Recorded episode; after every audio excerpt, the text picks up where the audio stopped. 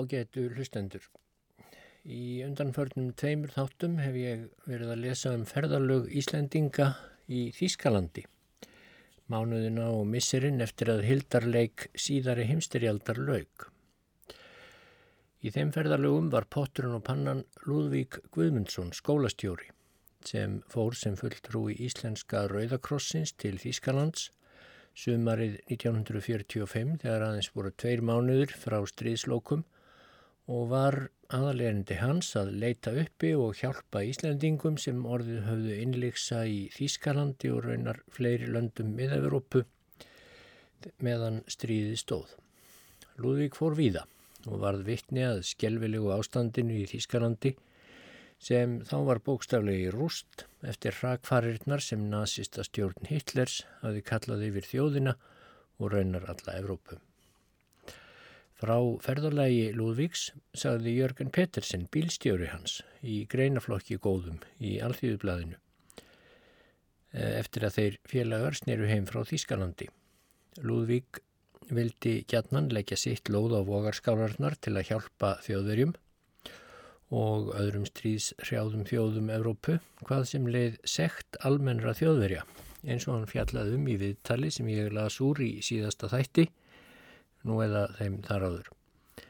Hann beitti sér fyrir því að Rauðikrossin hér hefði hæfi söpnun fyrir þýsk börn og hafði menn þá engum í huga að útvega þeim lísi sem hliti að vera allra meina bót því líkur skortur og jæfnvel hungur sem ríkti í Þýskalandi á þeim mánuðum og næringar skortur vaðandi. Lúðvík fór til Þýskalands á útmánuðum 1946 aðra ferð og svo skipulaði hann ferðalega nokkura íslenskra bladamanna til Þýskalands um sumarið til að gera þeim klift að kynna sér ástandið og gera Íslendingum síðan ljóst hvernig komið væri. Þetta var heilmikið ferðaleg og flókið og þurfti leifi hjá þeim hernáms yfirvöldum bandamanna sem hafðu þá stjórn í Þýskalandi. En á endanum lögðu upp Lúðvík Guðmundsson sjálfur og kona hans Sigriður Hallgrímsdóttir, Jón Magnússon, fréttastjóri útvarpsins, Dorúlf Smitt, fréttastjóri Erlendra frétta hjá Alþýðublaðinu, Herstein Pálsson, rittstjóri Vísis og svo Gunnar Ingvarsson frá blaðinu Hamri í Hafnarfyrði. Þáttaka hans kemur kannski svolítið óvart. Því Hamar var lítið blað sem sjálfstæðisflokkurinn í Hafnarfyrði gaf út með bæjar og flokksfréttum og Gunnar viðurkendi fúslega í grein sem hann skrifaði um ferðina að hann liti við alla á sig sem raunverulegan bladamann en ástæðin fyrir því að hann var þarna með var svo að hann gæti útvegað góðan jeppa sem hópurinn sendi út á undan sér og ferðaðist svo um á. Í þessum þætti ætla ég að gluka í greinar sem þeir skrifuðu Tórólfa Herstein. Þetta var fyrir daga sjálfbanda og það hefur því miður ekkert varðveist af því sem Jón Magnússon flutti í útvarpið frá ferðinni. Gunnar byrjaði að skrifa greinaflokki í Hamar en eh, þá var það skindilega rúmlega árslija og útgáfu blaðsins og ég hef ekki geta fundið merki þess að Gunnar hafi lokið við greinaflokksinn annar staðar. Í lok þáttarins þá heyru við reyndar rödd eins ferðalangana því árið 1948 byrti Tóról Smitt tvo kapla úr ferðasögu sinni í bók með ferðatháttum og las þá í útvarpið þar sem hann var um þær myndir að hefja störf. Og þar sem þá var komin til sögunar stálþráður, eins konar fyrirrennari segulbanda, þá hefur upptaka af lestri Tórólfs varðveist. Hann segir frá ferð íslensku bladamannana á stríðsklæpa réttarhöldin í Nürnberg, þar sem sigurvegararnir í stríðinu réttuðu yfir nokkrum helstu forkólfum nazista og var þar einn elsti og mesti vopnabróðir Hitlers, Hermann Göring, fremstur í flokki og aðsóps mestur. En ég ætla að byrja á því að byrja niður í grein eftir Herstein.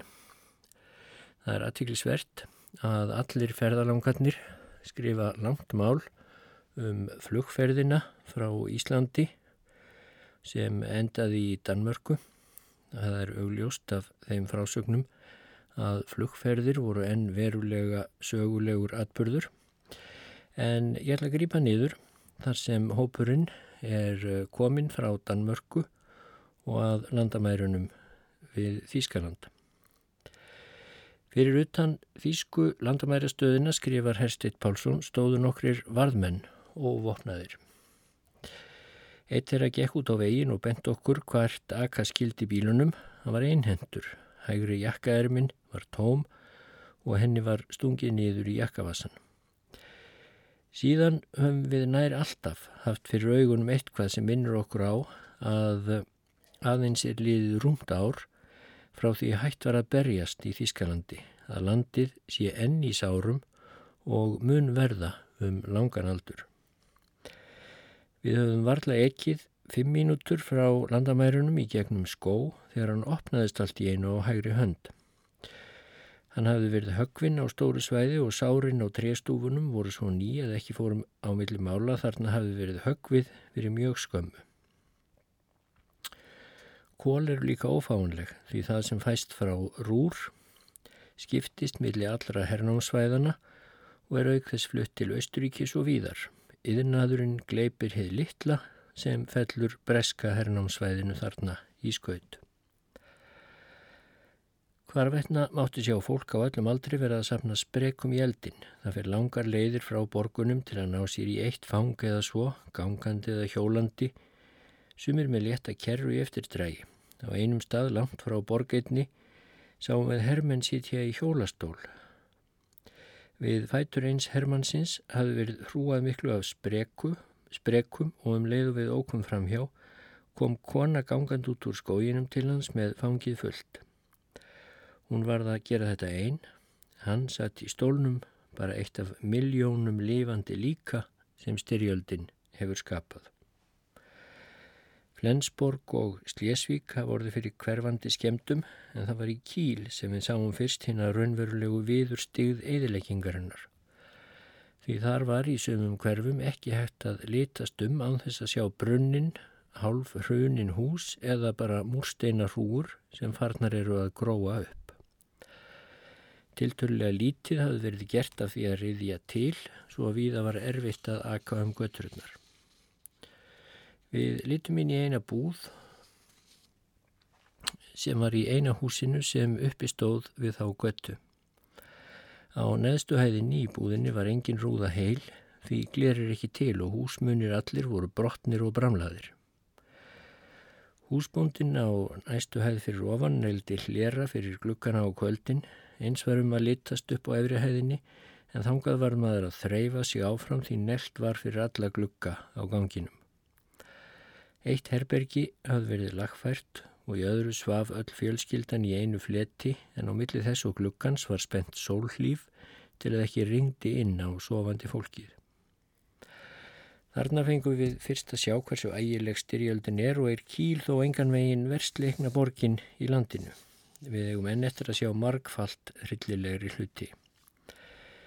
Til Hamburgar komum við um klukkan þrjú á miðugudegi og kom heim til Einars Kristjánssonar söngvara sem þá var einmitt að leggja af stað heim til Íslands. Borgin er gríðarlega skemmt en þó er þar komið það verk eh, nokkuð á veg að reynsa til í rústunum þótt mörg þúsund lík líki þar enþá grafin og nálikt megi finna þegar hlýttir í veðri. Hannófer var einnig fyrir mörgum loftárásum en við komum þó ekki í þá hlutaborgarinnar sem vest eru leiknir og í einu útkverfinu sáum við reyndar gríðarlega stóra verksmiðju sem ekkert hafi skemst og þar sem starfað var af kappi. Í Lýbekk hafði mörgum opnum svæðum verið breytt í matjörstakarða og sama var sagan í mörgum öðrum borgum sem við komum til en það er það svo að eftir því sem borg er stærri verður erfiðar að aðabla matfanga. Í smáborgum og þorpum eru erfileikarnir ekki eins ægilegir og í stórborgunum, en fyrir utan hverja borg og bæ má sjá fjöldamanns í matarleit. Þegar vinnutími er lokið streymir fólkið út til bændabílana fyrir utan borgirnar með alls konar í látundir matan sem það ætlar sér að ná í. Sumir fara fótgangandi óra leiðir, aðrir eru svo hefnir að eiga reyðhjól og aðstæða þeirra er betri. Það eru gamalmenni og börn sem standa höllum fæti í þessari samkeppni um mólana sem falla af borðum bændana, ef svo má að orði hveða. Gamla fólkið er oft farið að kröftum, getur ekki lagt á sig langar ferðir til að ná sér í auka skamt og þá sjálfnast peninga til að kaupa fyrir, þótt að komist út fyrir borginnar.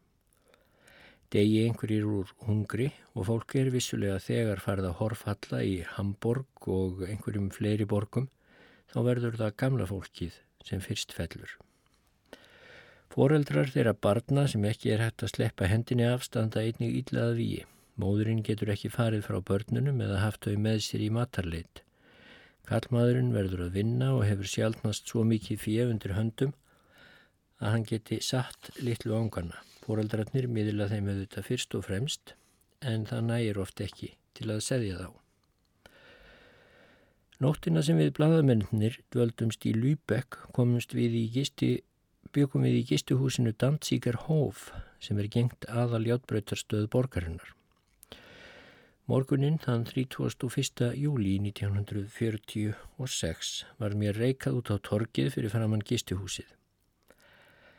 Ég var með síkaretum villi varana og þegar ég hendi stúpnum af henni frá mér þá kom lítill snáði eins og örskot og hirtan. Róskin maður gekk fram hjá mér um leið. Hann kinkaði kolli í áttina til drengsins og sagði sumir gera það að atfinninsinni að sapna síkaretustöppum í grend við bústaði Hermannanna. Þetta var til þess að ég fór að rappa við mannin, heldur gekk samtalið styrðilega af minni hálfu en hann talaði hægt og skilmerkilega til þess að ég færi einskís á mis. Ég byrjaði á því að spyrja hann hvort hann hefði orðið fyrir miklum skakkaföllum á stríðsárunum. Hann brosti döfleg og sagði Mér finnst ég hafa orðið, fyrir miklum áföllum en ef ég ber mig saman við suma kunningja mín og vini þá sé ég að ég hef sloppið förðanlega en það huggar mig samt ekki. Hvað hefur verið þungbærast? Elsti sónur minn af þremur fjall snemma í stríðinu. Hinnir hafa barist og særst en aldrei hættulega. Önnur dóttur mín var lengi hjúgrunarkona, hinn alltaf sjúklingur heima. Ég átti ekki lítið hús með smáverslun á neðstu hefðinni.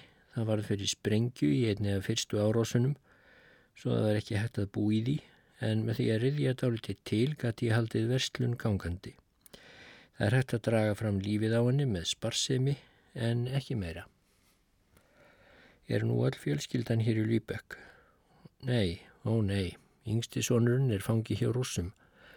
Þeir og vesturveldin hafa ekki skipst á föngum um skeið og meðan svo er þá fæ ég ekki að sjá hann. Ég veit frá félaga hann sem skrifaði mér að hann er fangi. Hinn vinnur við játbröytirnar þótt hann langi helst til að lesa læknisfræði. Hann var nýjórðin stúdent þegar hann var kallaður í herin. Og dæturnar? Já, þegar húsið fór þá bauð bróður minn sem er bóndi rétt fyrir utan borgin að mér að flytjast heim til sín. Ég fór þangað með konuna og dótturuna sem er veik. Hinn er nú komin þangað líka, vinnur ímist í búðinni hjá mér eða á jörðinni hjá bróður mínum. Já, ég held við getum eiginlega talist heppin. Við höfðum gengið þið saman spölkorn með við töluðum þetta saman og vorum komnur út á götu þar sem fjöldi manns var á ferli Hvað hefur allir þessi flóttamannafjöldi hér í borginni fyrir stafni, spyr ég. Ég veit það ekki en ég þykist vita hvað margir þeirra aðhafast, svarar maðurinn. Þeir hafa bara skilríki sín í lagi og svo lifaður á því að braska á svartamarkaðnum. Þeir hafa eftir vil sambönd við einhverja aðra flóttamenn sem komið hefur verið fyrir á bæjunum hér í kring og þau sambönd eru dýrmætt Því hver sá sem hefur einhverja þá vörru sem almenningur þarnast, matvæli fyrst og fremst, getur sett upp næstum hvað sem er. Þessi líður, hann laði áherslu orðið, hefur fyrst og fremst áhuga fyrir því að gera sem minnst af því sem er aðkallandi. Og hvað er það? Nú að auka matvæla framleiðsluna. Hver sem selur eða kaupir á svartamarkaðunum vinnur að því að draga úr því matvæla magni sem hægt er að skipta á milli allra. og þeir sem verða uppvísir að því að selja á svarkamarkaðunum eru settir í nauðungarvinnu og hvernig taka menn því. Það er nú upp og ofan eins og gengur, menn reyna ofta að strjúka en annars er allur fjöldin svo sljór eftir styrjaldarlokin að hann skortir allt framtak. Það er einhver devð yfir öllum háfaða manna. vonleysi og úrræðarleysi vegna þess hver örðugleikarnir eru miklir. Ef menn fengjum meira að borða myndi þetta breytast fljótlega en það verður vist langt þanga til maður getur getið sig mettan á hverjum degi. Við höfum gengið í stóran ring um hverfis blokkina sem gisti húsið var í og voru nú komnir að því aftur. Maðurinn tvíst ég dálítið á gangstéttinni eins og hann ætlaði að segja eitthvað en átti bátt með að koma orðum að því. Svo sagðan Ekki vendi ég að þér getið útvegað mér nokkur aukabita? Nei, saði ég, en ég skal gefið þú nokkrar síkarettur. Þér getið eftir vil gertiður mat úr þeim. Hann ljómaði allur þegar ég tók fimm síkarettur úr pakka sem ég hafði í vassanum. Það er hægt að selja amerískar síkarettur fyrir alltaf því fimm mörg í Þýskarandi svo ég þykist hafa gert sæmilega við hann. Ég gekk afturinn í gistuhúsið en fyrir fram á það stjáklaði drengnokkin sem hafði hyrt síkaretustuppun út úr mér. Hann var enna á stuppaveiðum. Það er reyndar fáheyrður eða ég vil óheyrður viðbörður ef menn sjá síkaretustupp á götu hér í Þýskalandi. Hérna finnst mannum ekkit að því að fleia hálf tómulöngum stuppum eða ég vil hálf reyktum síkaretum. Í Þýskalandi gegnur öðru máli að því þar er síkaretustöpurinn mikils virði álíka og jafnþyngd hans í gulli. Jafnskjótt og einhver hérna útvöldu sem á amerískar eða enskar síkaretur hendir frá sér stuppi er næsti þjóðveri viðbúin að grípan af göttunni, tóttan áfram, uns hann brennir síi varirnar eða hann stingur honum kyrfilega í vasan til þess að reykja hann síðar eða selja hann einhverjum reykingamanninum eða landa sinna fyrir okkur verð. Eitt daginn þegar við vorum í Frankfurt var ég úti að rangla því við byðum eftir ferðarleifi til Tjekkoslovaki og Östuríkis. Á undan mér gengu þrýr amerískir hermenn reyktu og spjalluðu saman. Ég tók eftir því að hópur smádrengja eldið á hvert sinnir fóru. Í hvert sinn sem einhver hermannana hendi frá sér stuppi, hljóp einhver strákana til og hyrtan drap í honum og stakk honum í vasan. En það var skipulag á þessu hjá þeim því sami strákurinn fekk aldrei tvo stuppa í röð. Ég var líka að reykja, svo mér dætt í huga eftir vil ætti ég líka samskonar fylginetti. Ég leitt við og vit, viti menn, það voru tveir snáðar sem höfðu nánar getur á mér. En sagan er ekki öll, því það kom brátt á daginn að ekki voru allir með í samtökum drengjana sem eldu hermennina. Maður sem virtist um þrítugt tók allt í hennu að ganga nærri samhliða drengjunum þá virtist ekki gruna að hann væri í sömu erindagjörðum og þeir en þeir fenguð þó fljótlega að finna það því næst þegar einn hermannana flegði frá sér stuppi þá tók maðurinn viðbráðum leið og sá drengjana sem átti leik. Hann var ekki alveg eins fljótur til því drengurinn var að beigja sig eftir stupnum þegar maðurinn kom að honum. Gerðan sér þá lítið fyrir, hratt drengnum svo hann kút veltist á gangstéttinni, stakk síðan stupnum upp í sig og helt við svo búið leiðarsinnar. Fyrir stríð var hjáttbröytarnet Þískarlands eittið fullkomnasta í Evrópu. Nú er öldun önnur því nú er netið víða bilað og eh, lestirnar eru fáar og þar að leiðandi æfinlega fullar. Blaðamenn geta ferðast með herrlestum en við fórum með þýskri farþegarlest frá Frankúr til Hamm, játbröytar miðstöðverinnar miklu skamt frá Rúr. Þarna voru 17 manns í áttumanna klefa sem önnur það skiptast á að sitja. Við höfum áður fundið smjörþefinn af þýsku tópaki, ilmurinn er vart betri en ef við tækju taðkökkul út í móa og træðunum upp í pípuna sína eða vefðu pappir utan um taðmulning og kveiktu í. Okkur óaði við að sitja í slíkri svælu heilan dag svo við unnum til að bjóða hinum farþegunum síkarettur þegar við ætluðum að reykja sjálfur. Þarna var meðal annars roskin maður sem var bú, sem var svo búinn að segja það sem allir heyrðu að hann væri síreikjandi þegar við tókum upp síkarettur og buðum fyrst hvern fólkinu þá ætluðu augun bókstaflega út úr höfðun á honum. Hann ætlaði valla trúa því þegar honum sjálfum var bóðin síkaretta en svo kom slík græðki í svipin að það var eins og honum hefði verið gefin matarbiti. og það eftir að hann hefði verið í svelti í marga daga. Og Tórul Smitt, hann segir í einni af sínum greinum, hildarsvipurinn á þjóðverjum í dag er þessi. Hér er gerðsíguru þjóð sem virðist hafa mist alla við litni til að ganga upprétt.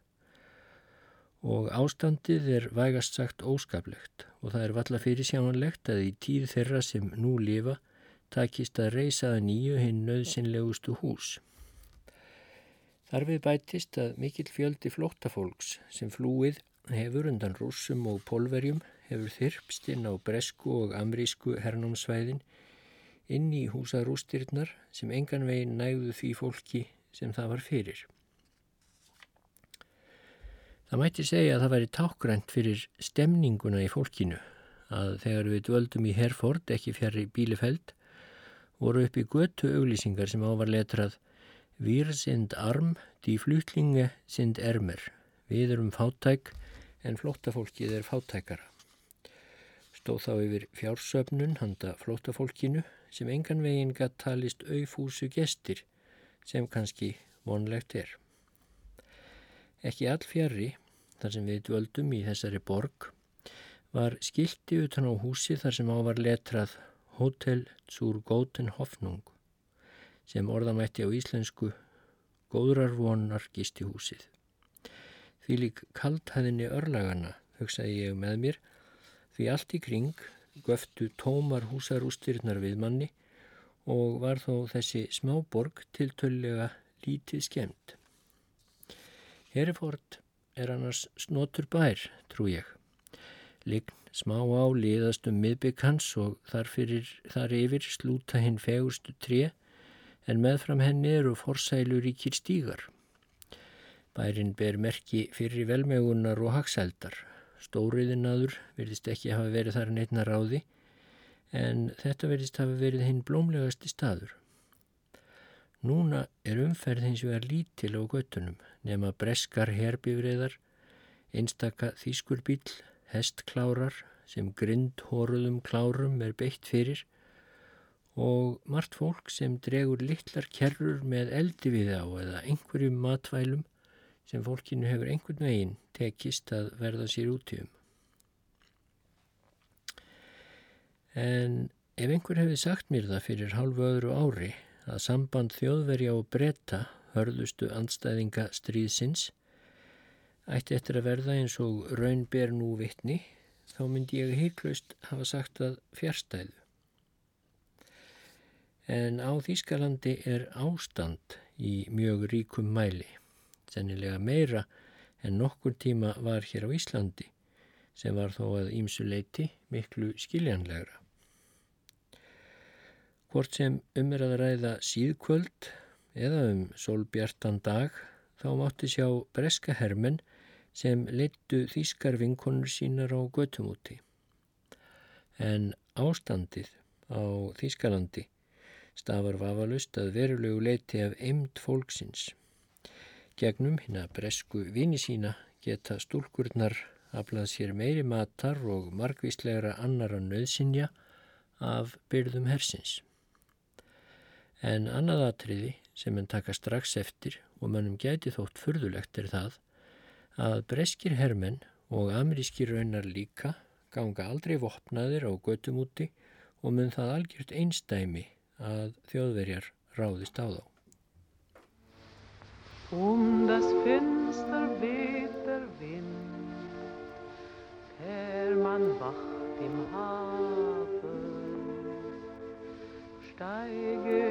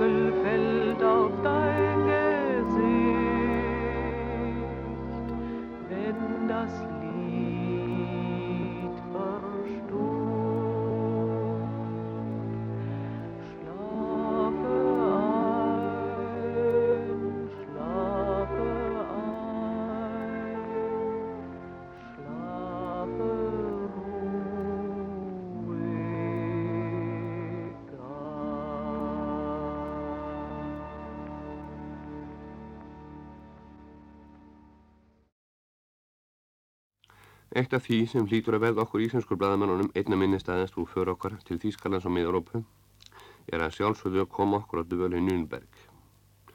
Auðvitað ekki vegna borgarna sjálfar, enda þótt Nürnberg sé fyrir margar hluta sækinn en merkilegasta og fegursta borg Þýskalands með undarlegum húsum og farnum byggingum og stórmerkið sögu. Raun að veri réttar að segja var ein merkasta borg Þýskalands, því að nú er þar umhorfs eins og í morgun störborgum landsins auðn og rústir, atvinnulíð lamað og sami vesaldómurinn yfir fólkinu annar staðar. Nú er borgin aðeins vibri og són.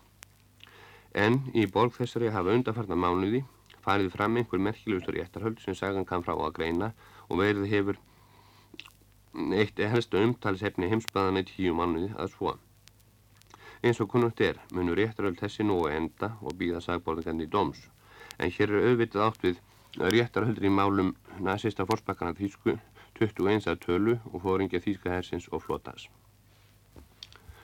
Okkur blaðamannunum var, var komið fyrir í svonendum IMT Press Camp en IMT er skamstöfum fyrir International Military Tribunal eða alþjóða her, herrdómstóldin.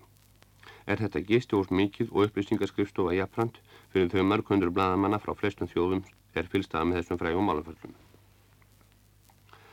Þetta gistihús var í fagur í höll í einna útborgun Nürnberg sem heitir Stein. Er þetta höll mikil eh, sem var eða er eign Fabertes sem frægur eftir blíjandafræmleyslu. Höllin er byggð í einhvers konar gottneskum riddarahallastýl, fjórlift með turnum, ímislegum útskotum og orðbóadregnum glöggum. Á þetta verða font mjög á að líta en verkar þó ámann sem léleg stæling. En hins vegar íbörnum mikill inni, inni fyrir og fagur gardur umhverfis er vagninsviðir tegja sig upp með veggjunum. Þráðbeinin gagstíðar uh, liggja um gardin, það er gnað hinn að fegustu blóma og þegar við gengum inn í gardin til þess að skoða umhverfið þessa nýja dvalastóður okkar voru nokkuð gardirkjum en þarna þarf að verki við að dýtta trjárunum og vöku blómin. Við settumst við gósbrunneit mikinn sem þar var. Nú var hann skrælþurr en niður í skálinni lág beiglaður stálhlumur þýsks hermanans svona eins og til að minna mann á það sem gert hefur. Annars andað allt frið og spekt og fugglanir kvökuði þjánum.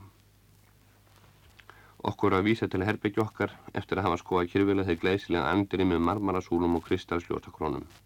Okkur var sagt að þarna væri nú um hundra blaðamenn af ymsum þjóðum. Heitt var í verði og er við höfum snirt okkur svo litið til, gengum við til veitingastofunar eða barsins sem verðist fyrir óhjá óhjákamlu stopnun í slí öllum slíkum presskamps og einhver vinsæl og við fengum okkur glas af kvöldöðli. Hér eins og annar stað í Þísklandi að framleitu þýskur bjór að fyrir stríðgerð en engöngu fyrir setuliðið og svo gestina í gistuhúsin þeirra. Þarna ægði saman öllum þjóðum. Ég fór á líti kringum rétti okkur stóð rússi, einkennisklættur og ég vissi ekki hvort hann væri bladamaður eða herrmaður. Hann var hinn reffilegasti maður, hlættur græðni úlpu með axlarskúfa, svörtum buksum og í kníháum leðurstífilum. Hann undir síði besta því virtist, kneifaði stórum ginn og lék á allsvoti. Hann var að tala við tjekknesta stúku sem einnig var bladamaður. Þarna var mikil fjöldi bandaríkjumanna, breyta og fleiri fjóða er ég kann ekki nefna. Svo var spurst fyrir um það hvort erfitt væri að fá aðgang á dómhællinu í Nürnberg og fá að vera viðstættur réttarhöldin var okkur tjáð að það veri lóa leið. Var okkur svo útlutöður aðgöngum er á að litraðan Press Gallery International Tribunal Session 369. Réttarhöldin þennan dag munum hátt að byrja klukkan 10 ef ég maður rétt og vorum við konum til dómshúsins um klukkan 11. Fyrir utan húsi voru tveir eminíski lauruglunar með alvefni. Áður, við, uh, áður höfðu við orðið að aka um svo kallað lokaða götur sem leikjað dómhálsunu þar sem við urðum að sína skilur ekki okkar. Laurugluminni sögðu að aðgöngumið okkar væri ekki nógur. Við erum að fara á lauruglu eftir littöðuna sem þar væri skant frá. Ekki mátt ljósmyndu vel í fórum sínum. Við fórum á lauruglustöðuna og eftir að vorða að sína öll möguleg skilríki en einu sinni fengum við frekari plögg og heldum svo í snarkasta aftur til dómhúsins og nú fengum við að ganga inn í þetta merkilega hús. Við gengum með marga á ganga voru hvarvetna lauruglumi fyrir með kjálma og skambisur. Við fórum upp á loft og veittum því eftirtækt að výrunett var strengt eh, þar sem stigarnir begðu til þess að koma í vekk fyrir að nokkur geti og komast undan réttvísinni með því að varpa sig það niður. Okkur var lit út um gluggan á baklið húsins og þar sáum dálítið sem vakti aðtikla okkar enda konustu við það myndum. Það var langur tríagangur sem lág að dómhúsinu frá fangilsinu þar sem næsista fórsprakkarnir eru gemdur yfir nóttina en gangurinn er til þess að ekki sjáast til ferða þeirra er þeir eru leytir til og frá dómhúsinum. Það var með eftirvendingu og einhverjum annarlegum tilfinningum að ég stíði fætin í réttarsalinn sjálfan. Nú óttum maður að sjá þess að margum töluðum menn sem sagaðir eru um hræðriðust og glæpusöguna sem hefðu steft heiminum í ægilegs styrjöld sem að sagan getur um. Ég satt á svölum uppi en þaðan sá svo yfir endurlanga réttarsalinn sem er all stór Ég fannst þetta ekki ósvipa því sem aðu var í leikhúsi fyrir að nú blöstu leikendurnir við manni beint framundan. En húsaskipan þarna var svo að fremst í salunum til vinstri sitja sagborningarnir 21 að tölu, Bormann, Ófundin og Læ döður eins og kunnast er. Hagra megin ansbænin í sagborningunum sitja svo hennir átta dómara, tveir frá hverju stórveldana, lávarðarnir Lorenz og Burkitt fyrir bretta, Biddle og Parker fyrir bandarækjumenn, Don Dieu, De Fabre og Falko fyrir frakka og hersöðingjættu Nikitschenko og Volchó fyrir rúsa og voru rúsarnir báðir klættir enginsbúri. Á milli þeirra voru svo skrifarar íminskonur og verjendur hinn ákjörðu en fremst voru ákjörendunum fjórir Sör Hartley Sjókross fyrir bretta, Jackson Dómari fyrir bandarækjumenn, Jean-Pédier du Rib fyrir frakka og Rodjanko hersöðingi fyrir rúsa. Aftar og ofar eru svo tólkar er þýða jafnharðan allt það sem framfer á þrjú tungumál, ennsku, fransku og rúsnesku og getur maður fyrir fylgst með öllu því sem framfer. Við hvert sæti á áherrandapöllunum sem eru ekki óáþekk þægilegum sætum í kvikmyndósi er hernatól og er hægt með því að snúa snerli að hlýða það sem framfer. Ég kom í kyrfilega fyrir í sæti mínu og eigum minn leituð þegar til sagborningabásana. Jú, þarna sátu þeir. Ég þekkti flest andlitin af ótal myndum úr blöðum og tímaritum. Hess var tó fjárvændi þennan dag var með tjáð að veri veikur. Fremstur og ystur satt Hermann Göring. Hann snýri bakið áherendum, hafði ekki herðartól á höfði og virtist vera að grúska einhverjum plöggum. Hann var klættur gráum einkinnesbúningi en án allra einkina eða heiðusmerkja. Á baksvipin var hann nær unglegur að sjá hefði jafnvel geta verið maður millir 30-35 ára. Ég hafði búist við að sjá þarna spikveitan mann eftir gamlu myndum að dæma en hann hafa rýrna mjög eftir uppgjöfina og að fangavistanni enda þótt missi sagt að skamtur fangana sé ríflegri en meðalhlóðuri almennt.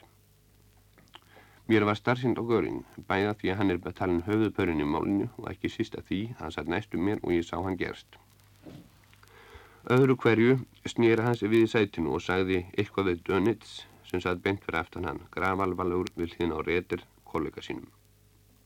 Göring virtist hafa sagt eitthvað fyndið fyrir að, Göring, fyrir að eh, Dönitz brost út undir eiru og Göring hristist á hlátri ekki ósvipað gáskaföllum krakka.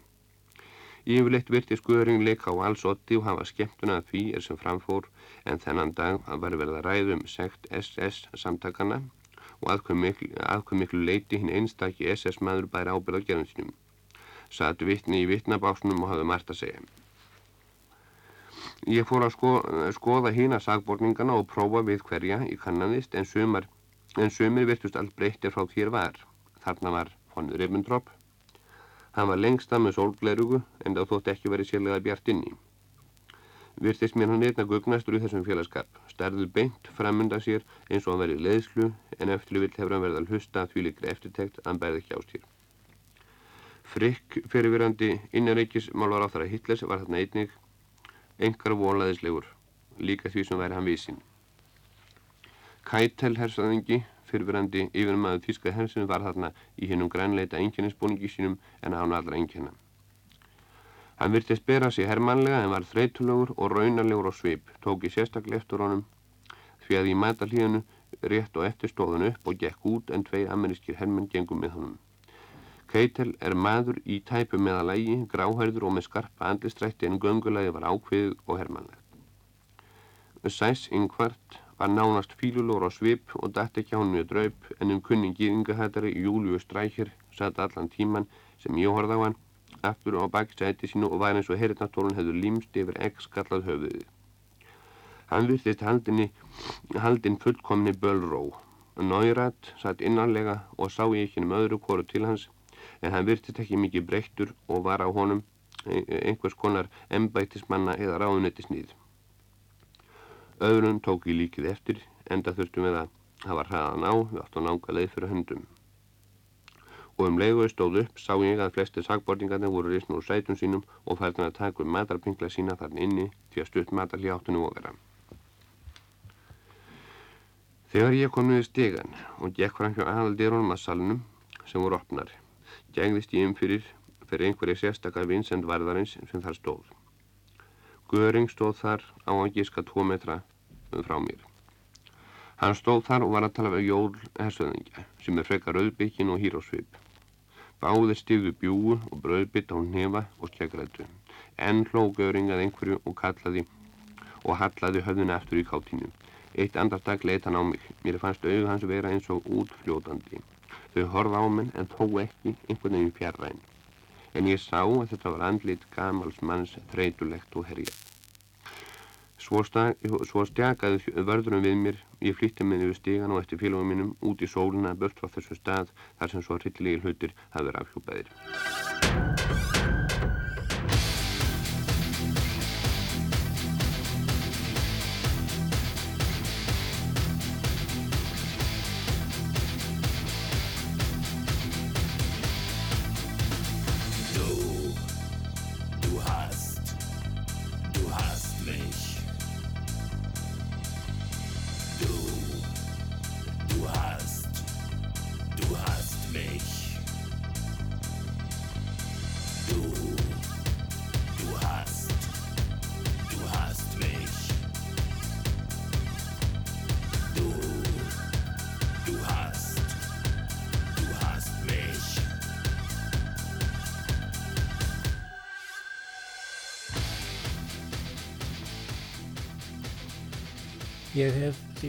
ekki komist yfir að leifa hlustendum að heyra nema hluta af skrifum íslensku bladamannana um þessa merkilegu þýskalandsferð.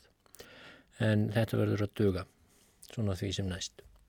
Þeir voru komnir heim þegar dómar voru hvernig upp í Nürnberg. Þá var Göring nefndur til dauða, þrátt fyrir allan þann gorgeir sem hann hafði sínt við réttarhöldin. Af þeim sem Torolf Smith myndist á hér áðan Þá var Karl Dönitz dæmdur í tí ára fangilsi. Dönitz var aldrei alveg í einstarring nazista en varð samt arftaki Hitlers þegar hann skaut sig. Jóakim von Ribbentrop, utanrikisráð þeirra Hitlers með stöld stríðsárin, fekk líka döðadóm en fyrirrennari hans sem utanrikisráð þeirra, Konstantín von Neurath, fekk 15 ára fangilsi. Aðmirallin Erich Redder var dæmdur í ævilangt fangilsi en satt nú eitthvað skemur. Vilhelm Frikk innanríkisráður að fekk dauðadóm, sömuleiðis herfóringjarnir Keitel og Jóll. Einnig austuríski nazistinn Sæs Inquart og æsingamadurinn Július Strækjar. En Göring náður endar að fremja sjálfsmorð með eitri að morgni þess dags þegar átt að hengjan. Ég ætla að ljúka þessum þessari yfirferðu um Þýskaland árið 1936 með því að glugga í það í frásögn Herstins Pálssonar sem þá er endar komin sögur til Östuríkis og er á flakki nálagt borginni Linds þar sem fjöldi flóttafólks er á sveimi. Tveir piltar, bersínlega bræður, röldu að bílnum okkar, skoðuðu hann í krók og kring og gáfu sig á tal við mig. Annar var í slítrum af enkennisbúningi, hinn í venjulegum borgarlegum klæðum. Sá eldri var 25 ára en hinn 17 ára. Þeir sögðust hafa átt heima í Rúmeníu, í Síbenburgen, þar sem margir þjóðverjar voru búsettir. Sá eldri hafði sömu sögu að segja um miljónir annara þjóðverja.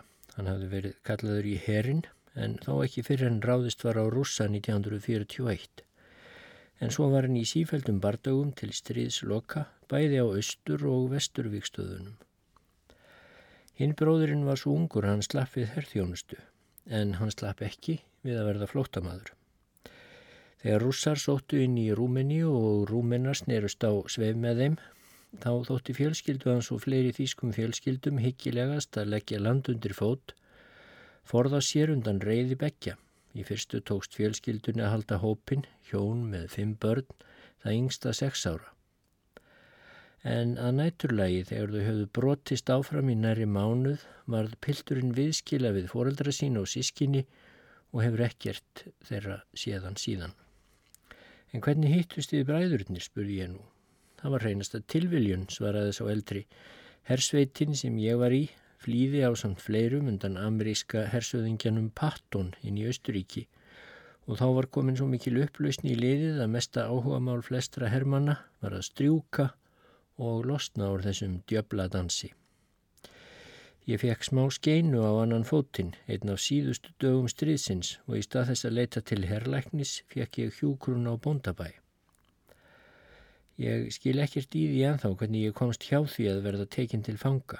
Þegar ég var orðin rólfær aftur var allt um garð gengið, stríðinu lokið og kyrðað komast á. Ég kom hinga til Linz því hún var stæsta borgin í grendinni og einu sinni þegar ég var á vakki hér við stöðina kom bróður minn auga á mig. Ég ætlaði að valla kannast við hann og hafði heldur ekki búist við að sjá hann framar. Það er ár síðan við hittumst þannig af algjöru tilviljun og við höfum síðan reynd að halda upp í spurnum um fjölskyldu okkar en við höfum ekkert heyrt, ekki orð. Það er ekki ofennilegt því að í öllum þessum vögnum sem hér eru allt um kring er fjöldi manna sem er að leita ættmenna sinna, feðra, mæðra, eiginmanna, eiginkvenna, bræðra, sistra. Það er hægt við að margir muni leita árangurslaust árum saman, jáfnvel til æviloka og Hersteit Pálsson segir síðan Ég og svo leiðar minnar, litlu síðar, til Linds. Það voru mæður að sapna börnunum sínum inn í vagna flótamannana til þess að gefa þeim þá fáu matarbita sem börnunum eru ætlaðir á degi hverjum og hátta þau síðan.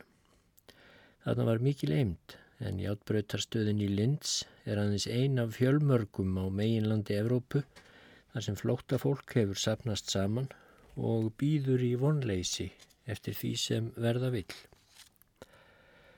Sé haldið til austurkverfana í Linds, niður með Dóná, sem ekki er svo blá, þá blasa brátt við byggingar þess fyrirtækis sem var heið mesta í Austuríki fyrir stríð. Stálsmiðjurnar sem bera nafn Hermanns Görings en þar er nú kyrt og hljótt, ekkert unnið, bræðslu opnarnir kaldir og tómir, allt út döytt. Þarna unnu 2000 manna áður, fyrir aðeins fáinum misserum við að smíða vopn fyrir þjóðverja. Nú er þeir allir hornir út í buskan.